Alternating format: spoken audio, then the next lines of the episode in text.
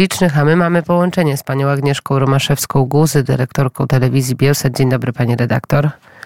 Dzień dobry. No to na początek, jakie informacje do Państwa, do Pani przede wszystkim napływają od likwidatora, obecnego likwidatora, który będzie likwidował telewizję Bielsat? Mówię oczywiście o Panu Danielu Gorgoszu. Na razie to żadne, to znaczy ja jeszcze nie miałam żadnych informacji. Myśmy otrzymali tylko na razie był e, taki akt notarialny przesłany nam, że pan Daniel Gorgosz jest likwidatorem e, telewizji polskiej. No i to żeśmy otrzymali. A mm, e, co dalej? No to trudno powiedzieć. No dostaliśmy też informację, że to ma nie oznaczać, że ta likwidacja ma nie oznaczać likwidacji. Czyli, że, że to ma być tylko, że jakby no nie należy uznawać, że będą wszyscy zwolnieni czy coś takiego, ale na razie ja osobiście nie miałam żadnej mm, możliwości kontaktu, w związku z tym trudno mi powiedzieć tak naprawdę o co chodzi.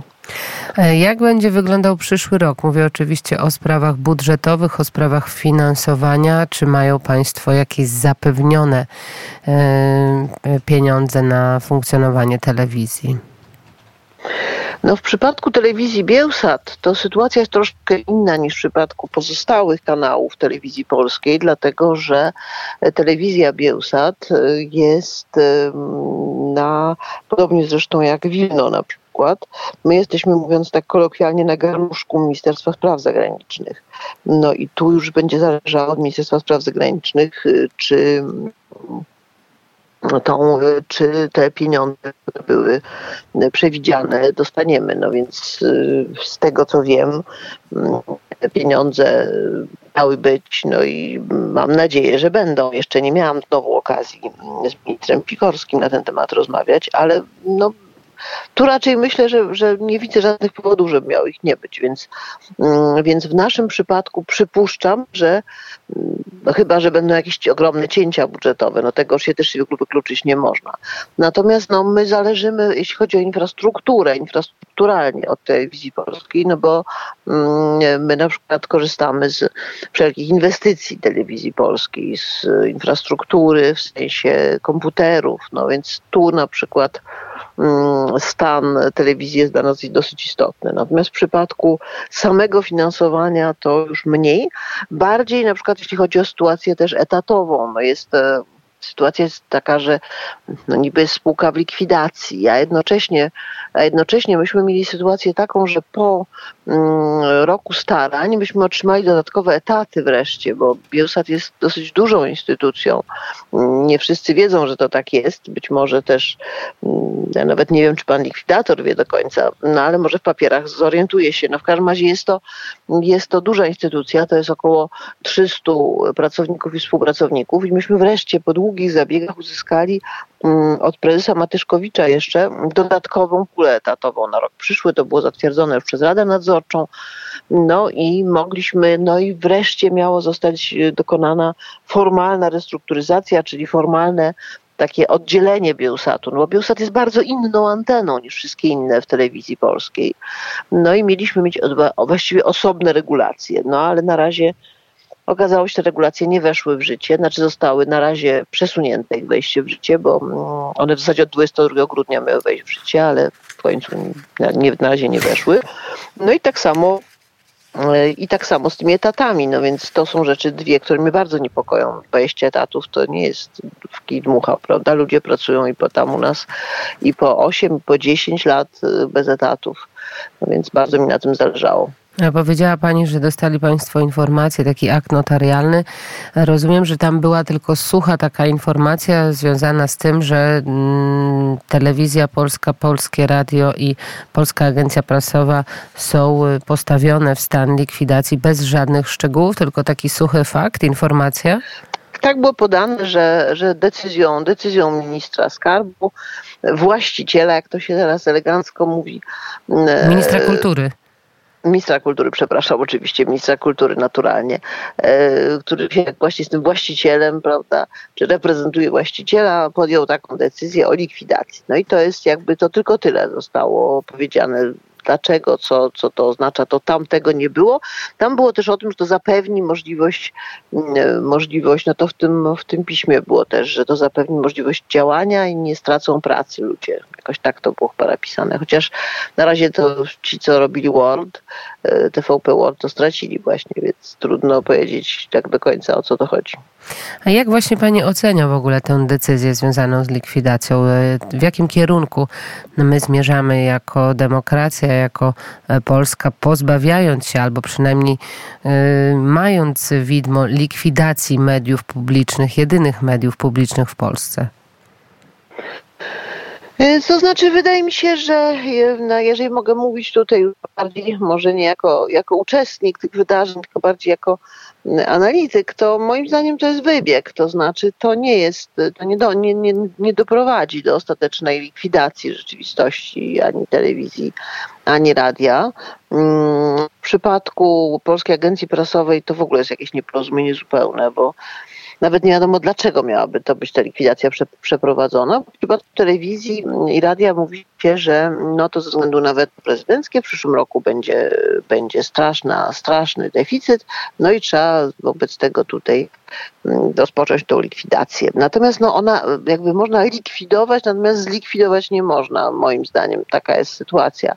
Mm, e, likwidować można na zasadach takich, że jest to taki rodzaj, no jak to się kiedyś nazywało bardzo dawno temu, starzy ludzie pamiętają, falandyzacją prawa, czyli że się maksymalnie ponaciąga wszystko, znaczy kodeks spółek handlowych, co prawda mówi, że likwidacja to jest po to, żeby spółkę następnie rozwiązać, no ale można uznać, że właściwie to, to się nie ma zamiaru rozwiązać, a jednocześnie będzie się jednak stosowało te metody, jakie, jakie są stosowane do, mm, przy likwidacji. A w ten sposób uniknie się tej dramatycznej sytuacji, którą, którą stanął w tej chwili minister, to znaczy konieczności zarejestrowania tych nowych zarządów i rad nadzorczych w KRS-ie, no bo było dosyć oczywiste, moim zdaniem oczywiste, że tych poprzednich rad nadzorczych i, i, i zarządów mm, ze względu na no ale po pierwsze brak podstaw, a po drugie jeszcze na dodatek bardzo egzotyczny sposób sporządzenia aktu notarialnego, jednego, drugiego, trzeciego,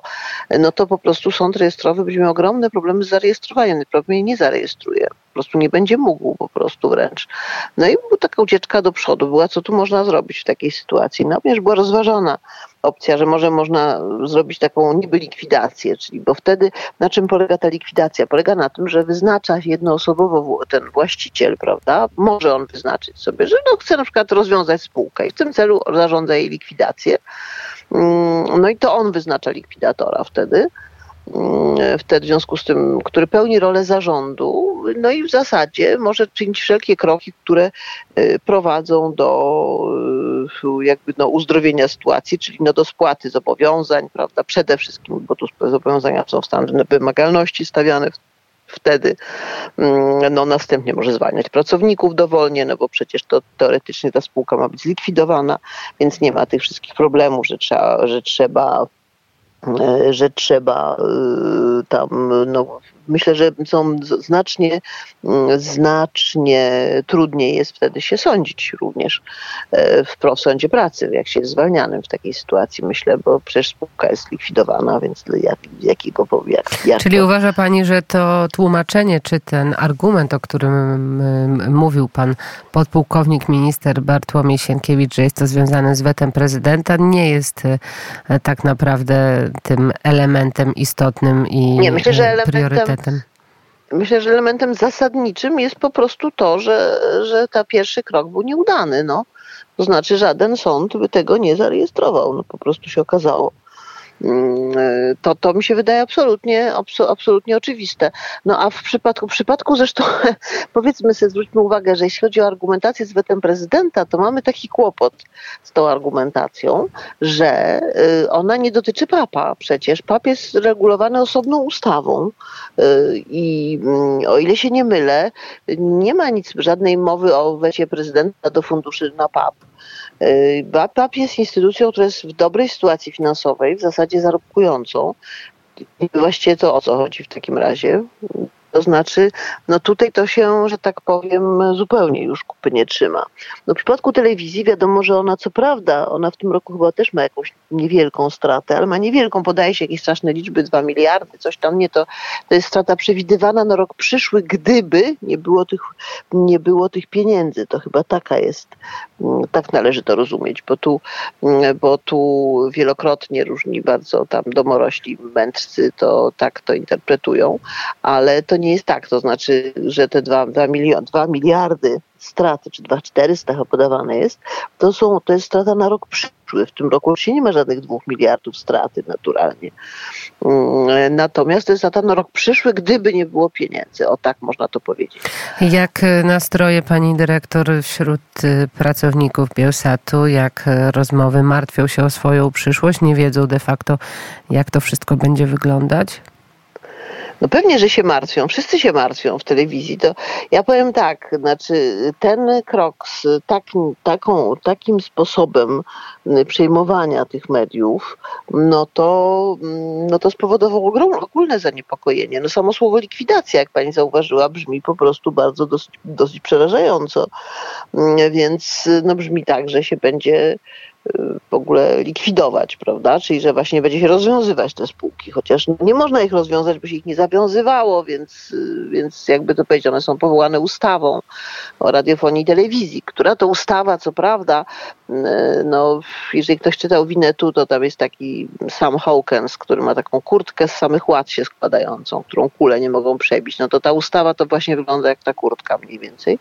Natomiast no niemniej jednak nadal reguluje dziedzinę radiofonii i telewizji. No, no i to i, i tam jest napisane, jakby stoi napisane, że to są spółki, spółka Telewizja Polska i spółka Polskie Radio. Nie można ich zlikwidować, bo, ale, ale kto powiedział, że nie można otworzyć postępowania likwidacyjnego? Stwierdzono to tak polskie prawo, to tak tak działa. No. Tak się uważa, że to ono jest takim, takim narzędziem jak gumka od majtek, takim bardzo rozciągliwym. Duża niepewność, dużo znaków zapytania, jeżeli chodzi o te wszystkie rozwiązania i o likwidację, i o te działania restrukturyzacyjne, a także o to, co się dzieje i z PAP-em, i właśnie z Polskim Radiem Telewizją Polską. E, pani dyrektor, e, rozmawiamy o polskiej rzeczywistości, ale co dzieje się dzisiaj na Białorusi? Jakie informacje z kolei płyną do nas e, stamtąd. Czy my możemy w ogóle mówić o jakichkolwiek e, przełomowych elementach, czy wręcz przeciwnie, ten aparat opresji i dyktatu cały czas e, jest coraz bardziej opresyjny, jest coraz, coraz gorzej? E, no nie, tam jest po prostu, no nie wiem, czy można powiedzieć, że tam jest coraz gorzej, tam jest właściwie równo źle, ba, bardzo źle już od pewnego czasu. To znaczy, e, no w naszym przypadku, jeśli chodzi na przykład o naszych pracowników, bo to jest bardzo przykre, właściwie współpracowników, tak jak mówiłam, tych etatów u nas brak, więc współpracowników, no to się zauważyliśmy jedną bardzo nieprzyjemną rzecz, ponieważ Bielsa to jest określony na, na, na Białorusi jako medium ekstremistyczne. To jest w ogóle to jest to już w tej chwili to, to jest wyższy poziom, że tak powiem. Już nie jesteśmy tylko mm, tam niezarejestrowani, jesteśmy ekstremistyczni wręcz. E, no, w związku z tym e, karane jest wszelkie współ, wszelka współpraca i tak dalej. No i w tej chwili okazuje się, że e, zaczęto się czepiać rodziców naszych pracowników i to jest kolejny wybieg, ponieważ oni stwierdzili, zdaje się, że no nie mogą się dorwać do znaczącej części naszych pracowników, ponieważ oni w tej chwili są mm, albo w Polsce albo na Litwie. Natomiast, no, ale często jeszcze zostały jakieś rodziny, więc mieliśmy teraz przypadki mm, zatrzymywania i przesłuchiwania matek y, naszych, naszych współpracownic na przykład, robienia rewizji w domach, właśnie zatrzymywania tych matek, kuzynów, y, no to po prostu muszę powiedzieć, że to, co oni są w stanie wy wykonywać, to naprawdę przekracza ludzkie pojęcie.